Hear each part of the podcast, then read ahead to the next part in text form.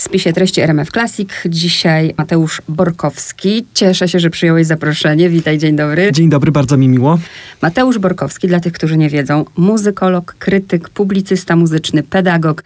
I na skrzydełku jest jeszcze dużo, dużo więcej informacji, których czytać nie będę. Mateusz przyszedł do mnie z książką, swoją książką, z serii Małe monografie PWM-u o Wieniawskim. Jak to jest? Sam sobie wybrałeś Wieniawskiego, czy PWM zwróciło się do ciebie i a może napisałbyś o Wieniawskim? To była ta druga opcja. Y, w związku ze zbliżającym się wówczas konkursem Wieniawskiego padła taka propozycja. Powiem, że obawiałem się trochę, ale po zastanowieniu przyjąłem tę propozycję, tym bardziej bardziej, że przypomniałem sobie niejako, że przez 6 lat, czyli cała szkoła pierwszego stopnia, szkoła muzyczna, to właśnie były skrzypce. Więc te skrzypce do mnie po latach trochę, można powiedzieć, wróciły. Już któraś to jest u mnie książka z serii Małe Monografie. Właściwie czytam każdą, która się pojawia i to też jest i łatwe, i trudne. Ktoś pomyśli, no malutka książeczka, nie jest tam 116 stron. Ona jest zbudowana jak każda, e, również mamy kalendarium życia i twórczości, mamy e, dostęp do bibliografii później, ale każdy z was piszący o danym twórcy, no musi mieć jakiś pomysł na to. Twój pomysł był jaki? Jak, jaki jakiego klucza szukałeś i jaki znalazłeś? Szukałem takiego klucza, żeby coś więcej o Wieniawskim znaleźć, dowiedzieć się. Poniekąd mi się to udało, natomiast takim założeniem, które w trakcie wyszło, było to, żeby pokazać Wieniawskiego jako człowieka. I to było dla mnie najważniejsze. Często mówimy, że życie, ludzkie życie, nasze życie jest podróżą. W przypadku Wieniawskiego jest to dosłowne. Zgadza się. I to niby też to wiedziałem, że ci wielcy wirtuozi podróżowali po całej Europie, ale i nie tylko. To jednak, e, kiedy poznaje się te konkretne daty, konkretne miejsca, cele podróży, to jest to naprawdę piorunujące wrażenie to robi, jak się to czyta. W szkole nie lubiłam matematyki, naprawdę. To przy książkach bardzo lubię liczyć yy, i kiedy pojawia się na przykład jakieś, że on tam w ciągu 8 miesięcy dał 200 ileś koncertów, to wiesz, od razu liczę, nie? Myślę o tym, że koncert jest też wysiłkiem fizycznym, to zastanawiam się, czy on nie był pracocholikiem, wiesz. Myślę, że trochę był, natomiast um, to występowanie to był właściwie sens i cel jego życia. On miał to występowanie wpisane w DNA. To występowanie, które doprowadziło właściwie, można powiedzieć, do jego choroby i do jego śmierci, ale z drugiej strony bez tego no, też by nie przeżył, więc coś mhm. takiego, co jest e, no, nieuchronne. My sobie o Wieniawskim poopowiadamy, tam dotkniemy paru rzeczy, ale zanim to jeszcze chcę o pracy nad tą książką. Powiedz, jak, jak to wyglądało? Ile ci to zajęło czasu? Czy to był, nie wiem, rok siedzenia i tylko był Wieniawski wszędzie w twoim życiu, filmy dokumentalne, książki o Wieniawskim? Jak, jak pracowałeś nad tą książką? Znaczy tak nie mogło być. Oczywiście to by było wspaniałe, gdyby tak było, bo mam jeszcze różne inne zobowiązania i pracę.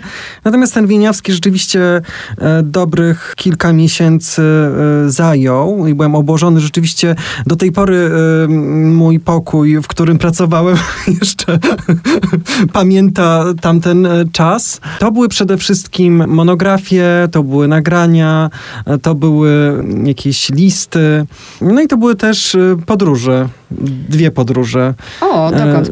E, podróż do Poznania, żeby zobaczyć e, trochę miasto, które dziś kojarzy nam się w, w, na pierwszym miejscu z Wieniawskim. Odwiedziłem wówczas Towarzystwo e, Muzyczne imienia Henryka Wieniawskiego, czyli organizatora obecnego 16 konkursu skrzypcowego Wieniawskiego i również pod sam koniec już podróż do Lublina, czyli miasta, w którym urodził się Wieniawski, no i i to, było, to było dość smutne doświadczenie zobaczyć kamienicę pod numerem 17 y, na rynku. Jest co prawda tabliczka, że tutaj urodził się Henryk Wieniawski, jest tam też towarzystwo imienia Wieniawskiego, natomiast e, właściwie Pierwsze, co rzuca się w oczy, to restauracja, która jest właściwie na pierwszym miejscu tej kamienicy i jeżeli ktoś nie wie, że, że tam urodził się wielki kompozytor, no to no nie dowie się tego. Takie mamy czasy, restauracja na pierwszym miejscu. Powiedz, e, nie wiem, czy powiesz szczerze, ale ja cię, wiesz, podpytuję. Miałeś taki moment, że po co ja się zgodziłem? Miałeś dosyć tego Wieniawskiego? Miałem, tak. Po tym pierwszym takim, po, tym pierwszy, po tej pierwszej zgodzie sobie myślę, Boże Święty, w co ja się wpakowałem? Przecież tylu jest skrzypków w Polsce, tylu muzykologów, którzy znają lepiej twórczość skrzypcową, XIX-wieczną i co ja tutaj skromnie dodam do tego, no byłem przerażony i to też zablokowało mnie na mhm. jakiś czas z dalszą pracą, bo no, wpadłem w takie myślenie, co ja tutaj wymyślę o Wieniawskim. Ale teraz, jak już jest ta książeczka, czujesz dumę? Czuję dumę, tak, Fajnie. zdecydowanie. Zbliżamy się 7 października, start w Poznaniu. E, a właśnie, czy ta książka, czy to był taki plan wydawnictwa, że ona się ma właśnie ukazać przed e, startem konkursu? Tak, to, był, to było mhm. założenie, chociaż było ciężko, no ale zdążyliśmy i w sierpniu ta książka już była gotowa. To, czego być może, bo ja zawsze traktuję te audycje, przepraszam wszystkich, którzy oczywiście są melomanami, kochają muzykę, ale wy o Wieniawskim wiecie pewnie wszystko i czytacie książkę Mateusza Borkowskiego, sprawdzają ksiądz go, nie? No. Znam mnóstwo ludzi, którzy słuchają RMF Classic, żeby się czegoś dowiedzieć, żeby się nauczyć. Mówią otwarcie, nawet moi znajomi, słuchaj, słuchałbym tego twojego radia, jak gdyby nie muzyka, nie? Więc ja, wiesz, pracę u podstaw też e, tutaj uprawiam, żeby oswoić trochę, kazać właśnie, że nie ma się czego bać i że to też są ludzie z problemami, takimi jak każdy. No ale być może nie wszyscy wiedzą, jak to było z tym nazwiskiem e, Wieniawski tutaj zdraci, bo tak jak napisałeś w, w swojej książce, że o tym się jakby głośno nie mówi o pochodzeniu żydowskim. No właśnie, pochodzenie żydowskie to, to nie, nie było nic ukrywanego, ale ja nie spotkałem w żadnej monografii tak wprost, e, poza wzmiankami o ojcu e, Henryka, Tadeuszu, który nazywał się Wolf Hellman, zasłynął w powstaniu listopadowym, był lekarzem, no ale również matka Henryka, Regina Wolf, była pochodzenia żydowskiego, miała brata pianistę Edwarda, który w Paryżu doskonale sobie radził, ale również brata Maurycego, który był księgarzem w Petersburgu. A jak myślisz, dlaczego o tym nie pisano wprost? No, myślę, że to jest ten przypadek, kiedy chcemy patrzeć na tych kompozytorów przez pryzmat jednak tej polskości.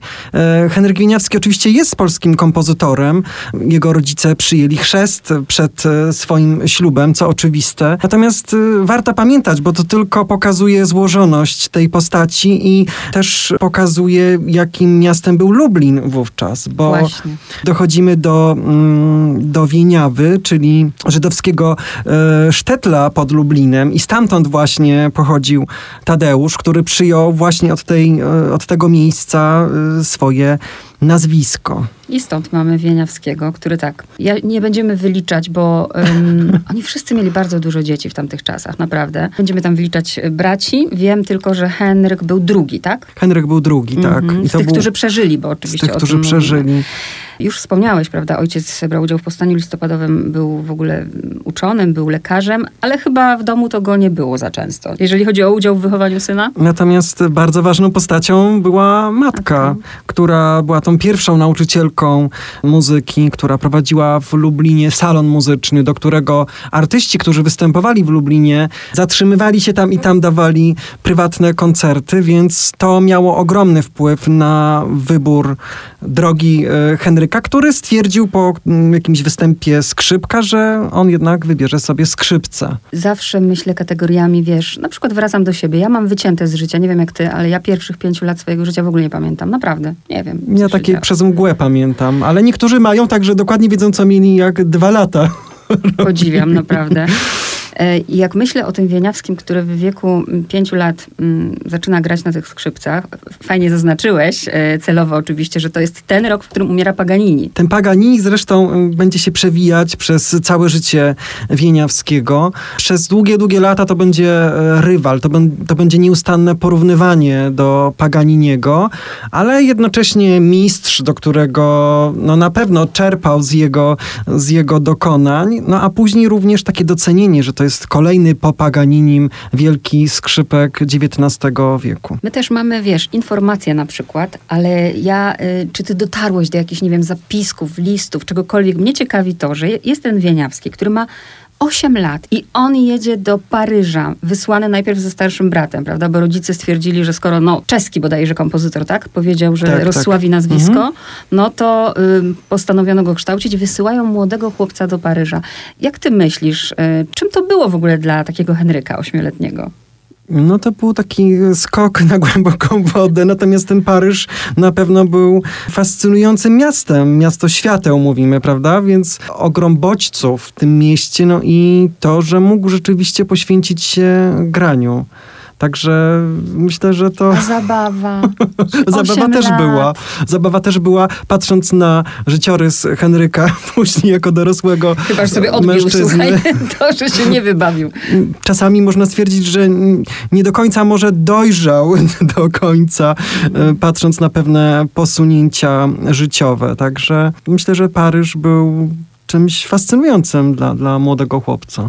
Powiedz jeszcze, zanim y, już do tego Paryża wyjedziemy zupełnie, to y, kto go uczył w Polsce? Kto go przygotowywał i, i, i czego go nauczono tutaj, zanim jeszcze, zanim wyjechał do konserwatorium? No to był między innymi e, Stanisław e, Serwaczyński, pochodzący z Lublina, który przywiózł, e, można powiedzieć, e, metodę na skrzypce, czyli podręcznik, bardzo, no właściwie najważniejszy podręcznik tamtego czasu, metoda na skrzypce, wydana w Polsce, po polsku w 1821 roku w Wilnie.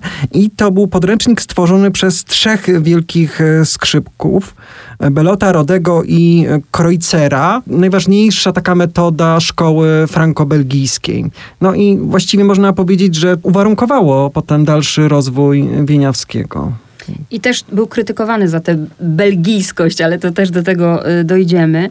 Powiedz, no jesteśmy mm, w Paryżu i bardzo też zaznaczasz to. y, Ja wiesz, ja cały czas myślę o tym, że on ma 8 lat, a później ma 12 i on y, y, nie chcą go przyjąć na studia. Nie chcą go przyjąć na studia, ponieważ e, aby, mm, mm, aby dostać się do konserwatorium paryskiego, trzeba było mieć ukończone 12 lat i trzeba było, taki mały szczegół, mieć obywatelstwo oczywiście francuskie. E, Henryk jako e, obywatel Imperium Rosyjskiego no, nie spełniał tego warunku, nie mówiąc o wieku. Natomiast e, szybko poznano się, z jakim talentem mają do czynienia. No i taki, jest taka anegdota, że, że zrobiono taki test, dostał koncert Rodego albo Kreuzera, nie pamiętam dokładnie, Kreuzera chyba. I nauczył się tego koncertu na pamięć, nie mając skrzypiec, który później wykonał przed komisją. To też były, na pewno tutaj miały wpływ zabiegi e, ambasady rosyjskiej w Paryżu, żeby jednak pozwolić na studia temu chłopcu. Później też e, musiał ten dług wdzięczności spłacić, e, wracając do Petersburga i koncertując właściwie wszędzie na ziemiach Imperium Rosyjskiego. Bo można powiedzieć, że szybko się uwinął z tą nauką, nie? Bardzo szybko mu to poszło tam.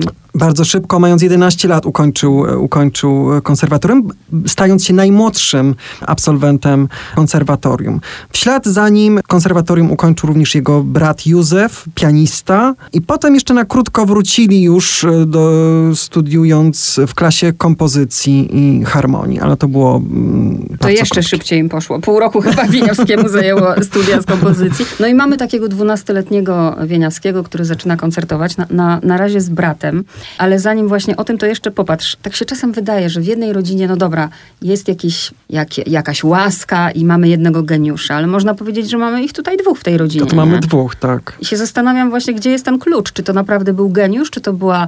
e, Co za tym szło, wiesz? Czy, czy taka praca? E, Cały czas myślę o tej matce, jaką ona tutaj rolę, rolę musiała odegrać. Matka, która również była pianistką, która kształciła się też w Paryżu, na pewno to miało bardzo, bardzo ogromne znaczenie. Pomagał też przyrodni brat, y, syn Tadeusza z pierwszego małżeństwa, który pełnił rolę takiego menedżera y, tych młodych y, chłopców. Ale, jest jedno ale, ponieważ y, koncertując wszędzie razem, to byli genialni bracia wieniawscy, trochę takie małpki spadki, można powiedzieć, występujące i no, zachwycające publiczność, w pewnym momencie on, ich drogi się jednak rozeszły, te ale artystyczne. Zazn- ale zaznaczasz, że nie szła za tym żadna, co, co też jest naprawdę, trzeba to podkreślić, dziwne, nie? Żadna zazdrość. Żadna zazdrość. No podejrzewam, dlatego też, że to były dwa różne instrumenty. Może gdyby to był jakiś duet skrzypcowy albo, albo fortepianowy, to byłoby inaczej. Mhm. Natomiast jeszcze warto tutaj przy tej okazji powiedzieć o e, tych słynnych rodzeństwach e, w XIX wieku, które robiły furorę w całej Europie. To były siostry Neruda, siostry Milanollo, byli też bracia Kąccy, rywal, wielki rywal Henryka Apolinary Kącki, starszy zresztą od niego, który miał kontakt z Paganinim w przeciwieństwie do, Mhm. do Henryka. Więc em, te cudowne dzieci, e, które występowały, były takim znakiem, e, były takim znakiem czasu. Natomiast trzeba powiedzieć, że to się już wcześniej zaczęło e, za czasów Tak, Mozarta. tak, Mozart tak. ze swoją siostrą, który Tak. występował też mm, po całej Europie. I o tym właśnie pomyślałam, że o ile tym cudownym dzieckiem łatwo się zachwycać, to później niekoniecznie, jak już się stajemy dorośli, możemy to utrzymać. Jednak Wieniawskiemu się to udało, bo to też nie jest takie oczywiste, że, że już miał tę sławę za życia. Nie każdemu się to udało. Ogromna sława za życia, biografia za życia i to O. dwie biografie. Pomnik, który y, w Holandii y, doczekał się tego pomnika, więc ogromna sława. A powiedz, bo ty zaczynasz od tego książki, od takiego pytania, bardzo mi się to też spodobało. Rzucasz to pytanie, później szukasz na to pytanie odpowiedzi, że właśnie wirtuozów nie brakowało. No to co takiego ten Wieniawski miał? Że został nazwany, i tutaj też od razu cię zapytam, bo też się spotkałam z czymś takim, że nazwano go najwybitniejszym, nie Chopina. Co takiego miał? Myślę, że miał coś takiego, że sam, sam mówił, że w sztuce skrzypcowej należy ryzykować. I ta odwaga artystyczna no, była jego taką wizytówką. To był, zawsze chodziło mu oczywiście o uwielbienie publiczności, dlatego występował, ale to ni, nigdy nie był taki z, tylko i wyłącznie popis e, techniczny, pusty popis, tylko coś za tym więcej szło. E, Od początku mnie interesowało i chciałem sam sobie na to pytanie odpowiedzieć, żeby absolutnie nie przedstawiać Wieniawskiego jako genialnego kompozytora, takiego właśnie e, Chopina skrzypiec, bo to byłoby jednak przekłamanie duże, tylko no przede wszystkim, i on by myślę z nami się zgodził, że był przede wszystkim wielkim artystą i wielkim wirtuozem, komponującym oczywiście na swoje potrzeby. I te kompozycje są znakomite, ale jest ich oczywiście dużo, dużo mniej niż gdyby był e, zawodowym kompozytorem. Ale też myślę o tym właśnie, czy, czy dlatego jest ich mniej, bo wiesz, on wybrał jednak tą drogę koncertowania. No zupełnie inną drogę. I pomyślałam też może dlatego, że wybrał taką drogę, to nie miał też czasu. Nie miał zdecydowanie czasu, o czym świadczy e, chociażby to, że różne próby, które podejmował pedagogiczne, e, czy w Petersburgu, czy potem w Brukseli, w konserwatoriach, no to jednak e, wszyscy go dobrze wspominają jako nauczyciela, ale on nie miał czasu dla tych uczniów. On cały czas chciał występować. Będąc solistą teatrów carskich w Petersburgu, no również to, to zapewniało mu oczywiście byt, e, pieniądze. To był warunek zresztą, dla którego mógł e, poślubić swoją żonę. Tak. Natomiast cały czas go ciągnęło do występowania. To po prostu było nieustanna potrzeba płynąca mm, z, z jego wnętrza. E, Do żony to oddzielny wątek sobie zrobimy, ale powiedz jeszcze wracając do koncertowania, bo mówimy o czasach, w których to też nie jest tak sobie tu zagrać, tam zagrać. Wiemy, że Mozartowi bardzo dużo ogarniał, mówiąc kolokwialnie, ojciec. I też się zastanawiam, czy, czy on tak bardzo kochał te występy, czy tak naprawdę za tym też szła ta potrzeba finansowa. Myślę, że to jedno i drugie na pewno. Ale to nie było tak, że wszędzie, wszędzie był wspaniale przyjmowany, bo oczywiście przeważająca większość recenzji to są te recenzje znakomite, w których mamy najrozmaitsze porównania. Oprócz Paganiniego to jest Król Skrzypiec, książę, tak, Czarodziej Skrzypiec, książę struny G, więc przeróżne takie często poetyckie mm, terminy, e, ale chociażby w Krakowie, w którym rozmawiamy, no był koncert e, w 57 roku i e, słuchaczy chętnych do wysłuchania e, braci Wieniawskich w salach Starego Teatru wcale nie było wielu. Pisano zresztą, że zdarzenie to wytłumaczyć sobie możemy jedynie, a zupełnie przez pobyt w mieście naszym trupy sztucznych jeźdźców, którzy właśnie na wczoraj zapowiedzieli przedstawienie wielkich sztuk łamanych. Ja myślę, że to jest coś bardzo ponadczasowego, bo zdarza się tak niestety, że wielkie gwiazdy dziś występujące w Krakowie i wiedzą o tym organizatorzy koncertów muzyki klasycznej. Czasami jest tak, że to jest po prostu no, typowy pewniak, że będzie sala wy, wypełniona w 100%, a jednak nie. Więc ta krakowska publiczność jest nieprzewidywalna. Bardzo. Chyba Wieniawski nie polubił Krakowa, zdecydowanie. Jakbyśmy tak teraz zatrzymali się na tym wątku Izabeli, bo to była wielka miłość, a z tej wielkiej miłości jest chyba rzeczywiście utwór, który najbardziej mi się podoba w jego twórczości. Opowiedz, jak to było z tą Izabelą. Izabel to była mm, Angielka. Trzeba też podkreślić, no bo jakoś musieli rozmawiać ze sobą. I albo rozmawiali w angielskim, ale z, z, do, z tego, co wiem, to jednak w domu mówiło się po francusku. I później też e, patrząc, gdzie mieszkał, bo to oprócz Londynu, później domem stała się Bruksela, więc naturalne, że mówiono po francusku. Wracając do Izabeli, to była mm, siostrzenica kompozytora, pianisty irlandzkiego kompozytora George'a Aleksandra Osborna, panienka z bogatego domu w Londynie. Tam Wieniawski trafił za sprawą swojego przyjaciela, też tutaj wielkie nazwisko, wielki pianista Anton e, Rubinstein. No i w ten sposób e, poznał, poznał e, Izabelę. Natomiast no, wcale nie było takie oczywiste, że będą razem, ponieważ tutaj ojciec no nie był zachwycony, może był zachwycony grą Henryka, natomiast e, wizja tego, że jego córka będzie miała za męża skrzypka, który różnie to bywa, prawda, z e, pieniędzmi, no mm, to jakoś na pewno mm, było przeszkodą. No i jest oczywiście anegdota na temat legendy, że skomponował pod wpływem uczucia do Izabeli ten utwór. Potem podczas wykonania sprawił, że serca rodziców, a zwłaszcza ojca Izabeli, serce zmiękło i wyraził zgodę. Natomiast rzeczywiście tam były, można powiedzieć, takie kruczki, gwiazdki i warunkiem tego było oczywiście to, że znajdzie stałą pracę, to raz, a dwa e, wykupi ubezpieczenie na życie, ubezpieczenie dla rodziny. No i ten, e, i ten ślub jednak nie odbył się od razu, tylko dużo, dużo później. Ślub zresztą odbył się w kościele świętego Andrzeja, który należał do ambasady brytyjskiej w Paryżu. Także w Paryżu e, państwo wieniawscy pobrali się. Tak, wiem, że tam nie wiem, czy świadkiem, czy nie świadkiem, ale sam Rossini był na tym tak. ślubie, prawda? Rossini, który w, Paryżu wówczas mm -hmm. prowadził swoje wspaniałe, tak.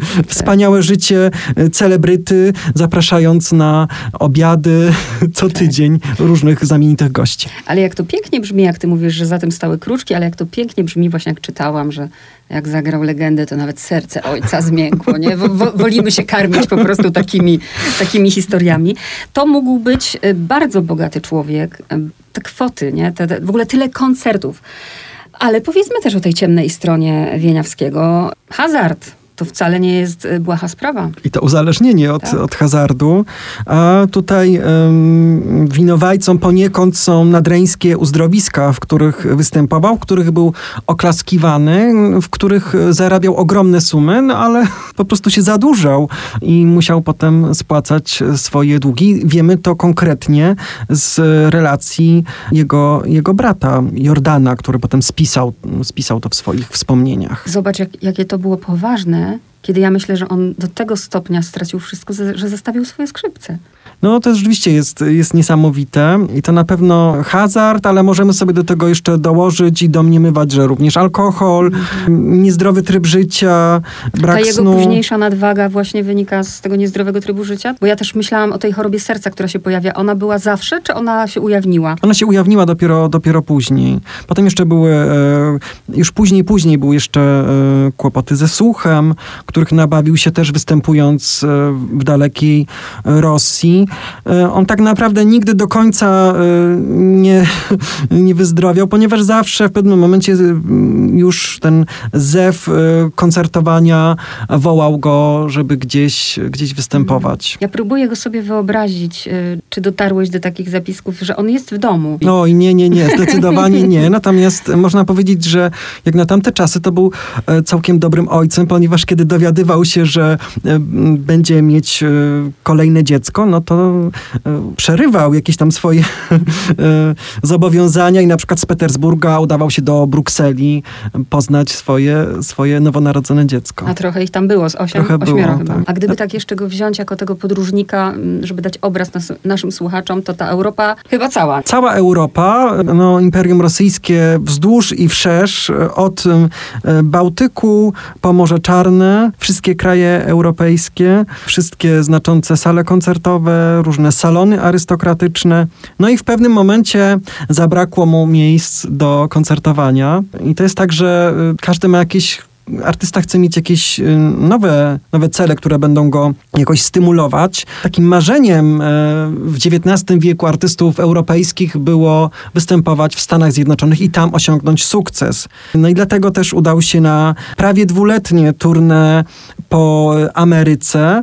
Dokładnie 31 sierpnia 72 roku wyruszył statkiem China z Liverpoolu długa, długa podróż i dotarł do Nowego Jorku. I to też zaznacza, że zgodził się na to, że tak naprawdę był niewidoczny, bo to Rubinstein był e, gwiazdą, prawda? Rubinstein był gwiazdą, Rubinstein miał większe honorarium od początku ustalone, natomiast y, życie pisze własne scenariusze i okazało się, że tą największą uwagę skupiał właśnie Wieniawski, co można powiedzieć, że było, no, myślę, że tutaj w tej przyjaźni Rubinstein trochę poczuł się mm, na drugim planie i postanowił przerwać to swoje amerykańskie tournée, tłumacząc się zmęczeniem i zdrowiem. Zwróciłam na to uwagę, że po prostu Rubinstein wysiadł fizycznie, a być może, tak jak mówisz, to było tylko wytłumaczenie, nie? Możemy tylko domniemywać. Natomiast y, tych artystów, którzy marzyli o tym, żeby tam występować, było wielu. Chociażby norweski skrzypek Ole Bull, którego też Wieniawski miał okazję akurat nie w Stanach, ale poznać. Słynna śpiewaczka mm, Adelina Patti, która e, występowała, a której e, daleką, daleką krewną dziś jest e, Patti LuPone, która występuje na Broadwayu. Więc tych muzyków, którzy mm, tam jechali po wielkie pieniądze, wielką sławę i nowe jakieś doświadczenia. Mm, Tutaj chociażby mm, można wspomnieć y, Antonina Dworzaka, który przecież tam osiągnął y, wielki sukces, no to mnie to zupełnie nie dziwi. Wieniawski występował tam w największych y, salach koncertowych we wszystkich miastach wschodniego i zachodniego wybrzeża, chociażby w sali e, Steinway Hall w Nowym Jorku, która dopiero co była nową salą wybudowaną przez słynnego Steinwaya. No ale mm, największy sukces, największe docenienie przyszło e, na zachodzie, w Kalifornii, w San Francisco. Tam po prostu był e, witany na ulicach. E, Tam też ukazała się broszurka mm, poświęcona Wieniawskiemu, która niestety e, wiemy tylko z relacji, że, że taka, taka była. I też pamiątką z tego mm, okresu był taki utworek, Souvenir de San Francisco, który jednak zaginął, więc możemy tylko, no, możemy tylko zastanowić się, jak, jak mógł brzmieć. Zresztą twórczość Winiawskiego, właśnie zespolona z tym, gdzie był, e, gdzie tworzył, e, to są często takie pocztówki, widokówki, wspomnienia muzyczne właśnie. Te kom kompozycje to było bardzo e, wówczas popularne, bo mamy i taką pamiątkę z Moskwy, mamy karnawał rosyjski, więc te utworki, które dotyczą konkretnych miejsc, konkretnych sytuacji. Czy był konformistą? Myślę, że nie, że był, że był osobą odważną, że nie zawsze trzymał język ze zębami, e, w sytuacjach e, związanych tutaj z e, kontaktami z e, rosyjskimi władcami. I tak naprawdę, i mówię to zupełnie szczerze, ja go bardzo polubiłem jako człowieka. Car powiedział do niego, widzę, że panu mój pies nie przypadł do gustu, bo ten pies tam na niego naskakiwał, prawda? Pies naskakiwał, natomiast e, Wieniawski panicznie bał się psów i był cały czas skupiony na tym psie i go tak e, odganiał, no i już było bardzo, bardzo ostro i mogło to naprawdę grozić no, jakimś e, wydaleniem z dworu, to najmniejsza kara. Natomiast jakoś się upiekło Wieniawskiemu. Zresztą Wiedział, co odpowiedzieć. Nie, nie, to Wiedział, ja, pań, to ja y, pańskiemu psu przeszkadzam, czy coś. I z tymi skrzypcami też coś było, że car dla niego przygotował jakieś skrzypce i poprosił o komentarz, a on powiedział, że dobry fabryczny instrument, coś takiego. tak, nie? tak, tak. No, czyli no właśnie też tak mówię, zadałam to pytanie, ale z drugiej strony się zastanawiałam, czy on na tyle był, wiesz, sobą, że no bo wiedział, co grozi przecież carowi w ogóle podskoczyć w jakiejkolwiek sytuacji. To... Ale to myślę, że do tego trzeba dodać taki, e, taką osobowość artysty, jednak taką osobowość zawsze trochę, trochę narcystyczną jednak. I jeżeli ktoś występuje od e, piątego roku życia i jest oklaskiwany i e, wychwalany, hołubiony, no to, to może więcej. I dlatego sobie na więcej pozwalał. Zresztą, jak popatrzymy na jego kontrakty w Petersburgu, to te wakacje, które miał zakontraktowane, na początku e, to było trzy miesiące, a potem, y, potem już do, do tego doszło, że z wakacji zaczynały się w kwietniu.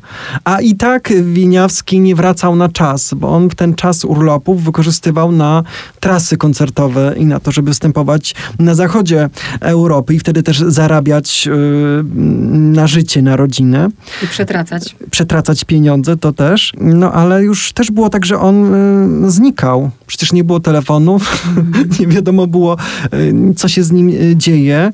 Y, I to pokazuje siłę Wieniawskiego. Nie przyjeżdżał na czas pełnić swoich obowiązków jako ten solista y, teatrów carskich, a jednak zawsze wychodził z tych tarapatów. Zawsze wiedzieli, że to jest wielki muzyk i to było dla nich wielką nobilitacją, że ktoś tego pokroju jest w Petersburgu.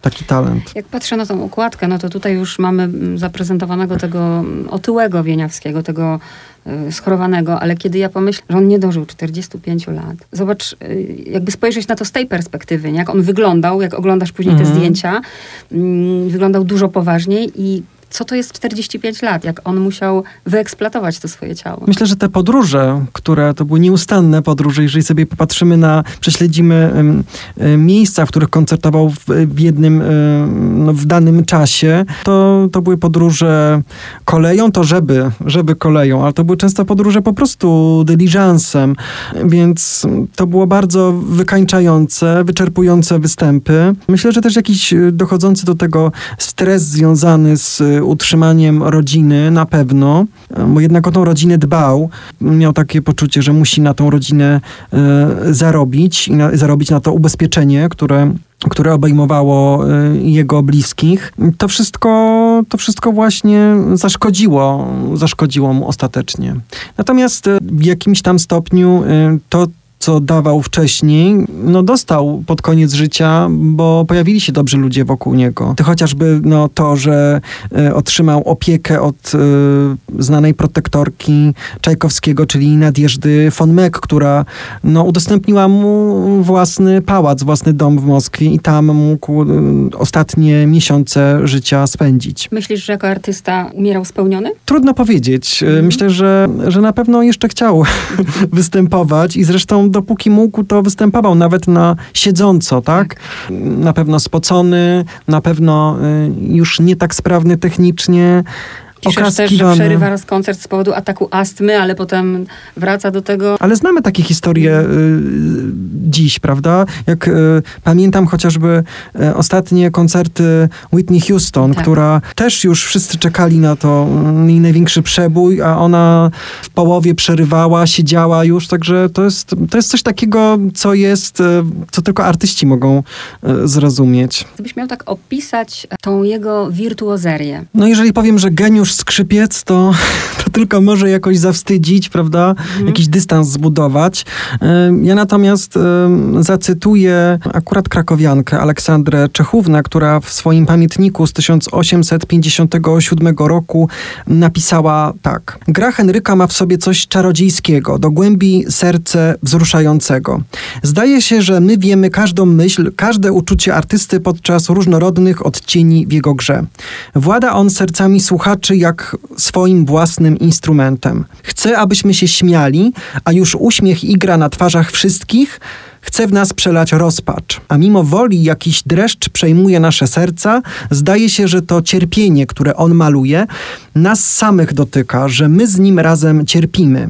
Jeżeli maluje dni szczęśliwe i spokojne naszego życia i nam jest tak błogo i miło, że zdaje nam się, jesteśmy przeniesieni w jakiś idealny świat. To bardzo takie, no z jednej strony naiwne, sentymentalne, poetyckie, ale jednak pokazuje właśnie, jak na zwykłych ludzi oddziaływał e, Wieniawski i jego gra. On po, no, był rzeczywiście tym czarodziejem, to tak bym mógł najbardziej powiedzieć, że on e, po prostu y, sterował tymi nastrojami publiczności. A to, do czego mówiłam, że wrócę do tej bel, bel, belgijskości, bo też czytałam, że on, że to mu zarzucano, że on jest taki sztuczny w tym, no bo na pewno zna, zna, byli tacy, którzy go krytykowali, nie tylko się nim zachwycali. To właśnie co krytykowali? No krytykowali, o jeden, krytykowali chociażby to, że od, był taki, był taki anonimowy krytyk w Odessie, który napisał, że właściwie to Wieniawski od 20 lat gra 20 tych samych utworów. Odpowiedzią Wieniawskiego, który wtedy był w bardzo złym stanie zdrowotnym, było to, że po prostu zmobilizował się i dał taki koncert, że już nikt nie miał wątpliwości, że, że on jest najlepszy. Jak to było z tą percepcją? Wiesz, ja wracam teraz na Wawel mm-hmm. do roku 1857, jak krakowianie go przyjęli, ale e, dobra, miał sławę za życia, tak jak mówisz, w Stanach już w ogóle. A jak w tamtym czasie na tle tych Europy i na tle y, Ameryki Polska go oceniała. Tutaj też możemy y, znaleźć analogię z czasami współczesnymi, ponieważ na początku wcale y, krytycy nie byli zachwyceni. Traktowali to jako ewidentny przejaw tej mody na te cudowne dzieci, na cudowne rodzeństwa występujące razem. I tutaj y, wręcz bronił go kompozytor, który zaprzyjaźnił się i tutaj zobaczył ten wielki talent, że to nie jest tylko sezonowy, e, sezonowy talent. Stanisław Moniuszko, który, który po prostu prostu no, wziął pod opiekę taką właśnie może e, krytyczno-publicystyczną e, Wieniawskiego. Krytycy tacy jak Sikorski też na początku no, źle się wyrażali o Wieniawskim, później dopiero kiedy ta sława przyszła już e, z, ze świata, to, to potem sami się zachwycali. Więc myślę, że to jest podobnie, podobnie dziś. A czy dotarłeś do takich materiałów, żeby wiedzieć, jak potraktował go? No bo przecież wiemy, że słuchał go sam Mickiewicz, że Wieniawskiego, że Wieniawski poznał Chopina i było było to dla niego coś, a bo przecież mama na Chopinie, można powiedzieć, go wychowała, a czy mamy jakieś informacje, jak ten wielki już Chopin potraktował go? Nie, nic, nic niestety, nic niestety na ten temat nie wiemy.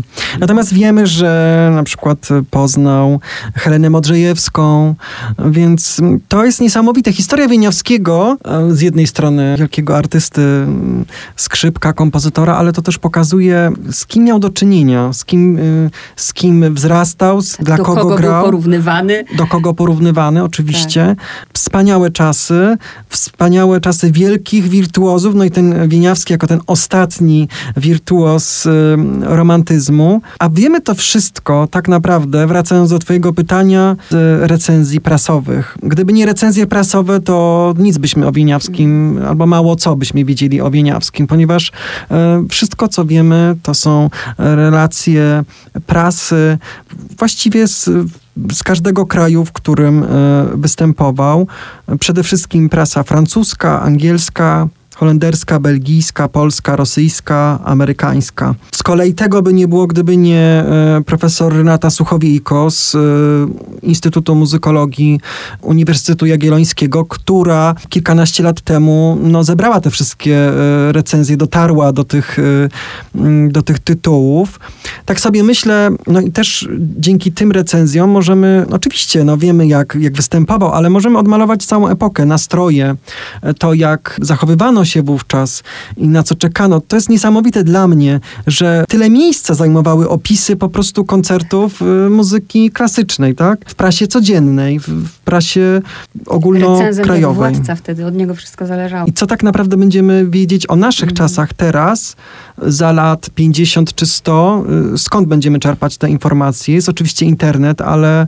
Wystarczy, że nie będzie prądu, a to już niedługo, to raczej nie wiem, ja zaraz żartuję, oczywiście to jest czarny, czarny żart. Tak długo Wieniawski będzie pewnie żył, jak długo będą sięgać po jego utwory. Teraz mamy przecież konkurs, który się zbliża, bardzo ważny, ale ja cały czas też jeszcze wracam do tego, do, wiesz, w świecie muzykologów, w świecie muzyków, to w ogóle Wieniawski, ale Co się stało takiego, że w takim, wiesz, świecie po prostu jednak kim jest Chopin wiedzą wszyscy, ale założę się, że jakbyśmy wyszli stąd i nie wiem, zapytali o Wieniawskiego, Nie, nie będą wiedzieć, nie będą wiedzieć, kim, kim był Wieniawski. Jesteśmy, jesteśmy sami sobie winni, można tak No właśnie. powiedzieć, bo przez lata nie było takich, e, no nie pracowaliśmy na, na rzecz tego Wieniawskiego, poza konkursem oczywiście, który odbywa się co 5 lat, teraz z powodu pandemii 6 lat e, po, po ostatnim konkursie. No i dlatego cieszę się bardzo, że ta, że ta publikacja się ukazała, ponieważ właśnie ona jest, e, daje szansę poznać Wieniawskiego, poznać jego znaczenie dla kultury XIX-wiecznej. Każdemu tak naprawdę. To jest taka książka, którą można przeczytać jadąc e, pociągiem z Krakowa do Poznania, czy z Krakowa do Warszawy. Myślę, że to, że Winiawski jest tym wielkim skrzypkiem, wielkim artystą, nie patrząc z tego, z tej polskiej perspektywy, prawda, gdzie chcemy, żeby, prawda, nasi e, twórcy byli mm, rozpoznani, doceniani na całym świecie, o jego wielkości stanowi to, że najwięksi skrzypkowie w pewnym momencie w XX wieku, od w drugiej połowie, zaczęli jednak nagrywać e, jego utwory na płyty i to e, naprawdę najwięksi skrzypkowie zagraniczni, więc to jest jakby takim wyznacznikiem, że to rzeczywiście jest ktoś, do kogo e, artyści chcą wracać. A czy w tym świecie muzyki jest takie roz, rozgraniczenie, wiesz, jak w świecie literatury na przykład, że ja nie mówię, że tak jest, żeby nie było, ale mówię, co się przyjęło i zwykło mówić, że na przykład nagroda literacka Nike to jest, wiesz, tutaj, nie? A jakaś tam nagroda, nie wiem, Angelus jest tutaj, nie? E, Co w ogóle nie powinno mieć miejsca, bo to są zupełnie inne rzeczy brane pod uwagę, ale czy na przykład w świecie muzyki jest tak, że konkurs Chopinowski jest wyżej niż konkurs imienia Wieniawskiego? Otwiera szerzej te drzwi?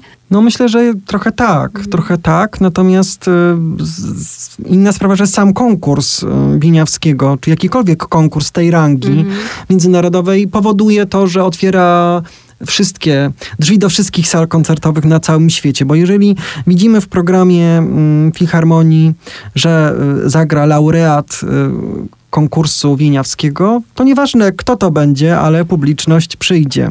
I to jest... y, Bo to laureat, tak? Laureat, tak. To Natomiast warto też, warto też powiedzieć, że to jest, e, że konkurs Winiawskiego to jest najstarszy konkurs skrzypcowy na świecie, więc to robi wrażenie. Robi wrażenie. Będziesz teraz na tym konkursie od początku do końca, czy wpadasz tylko? Wpadam tylko, ale, ale będę. To powiedz słuchaczom, na co konkretnie wpadasz, bo to też jest, myślę, ciekawe. Będziesz prowadził warsztat. 17 października w Poznaniu w hotelu Merkury będę prowadzić warsztaty, wykład y, o y, podróżach y, Wieniawskiego. To jest skierowane przede wszystkim dla młodzieży, dla uczniów szkół muzycznych, ale nie tylko, bo każdy jest mile widziany.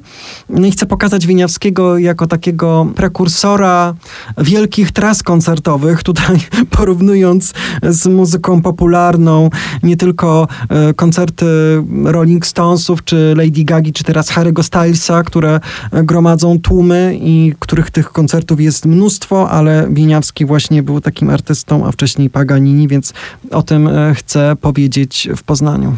Właśnie, a ja chciałam y, to wziąć na podsumowanie, co już powiedziałeś, bo też na to zwróciłam uwagę. I to też może przyciągać, wiesz, młodych ludzi chociażby do muzyki klasycznej.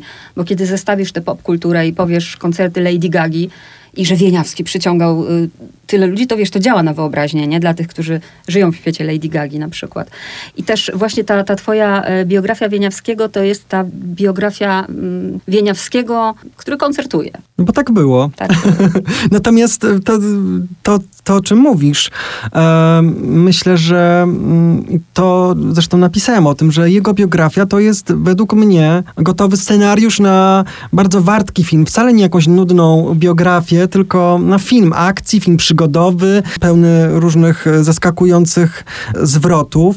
E, I wcale to nie jest takie e, absurdalne, skoro Paganini doczekał się kilku co najmniej filmów, a ostatni film o Paganinim wystąpił w tym filmie taki skrzypek celebryta David Garrett, więc dlaczego, dlaczego nie zrobić by takiego filmu o Wieniawskim? No to rzucamy teraz reżyserom. Pójdziesz w stronę, bo to jest twoja pierwsza publikacja tego typu, tak? Pierwsza monografia, Pierwsza tak, pierwsza, monografia. tak. Na tyle cię to pociągnęło, że pójdziesz dalej? No, bardzo chciałbym, tak. Mam Aha. już kolejnego skrzypka Skrzypka! W, tak, w, w planach to są bardzo wstępne oczywiście jeszcze prace, natomiast no bardzo chciałbym, żeby się udało. Czyli zapowiadam, że z Mateuszem Borkowskim się na pewno jeszcze spotkamy w RMF Class. Dziękuję ci bardzo. Bardzo dziękuję.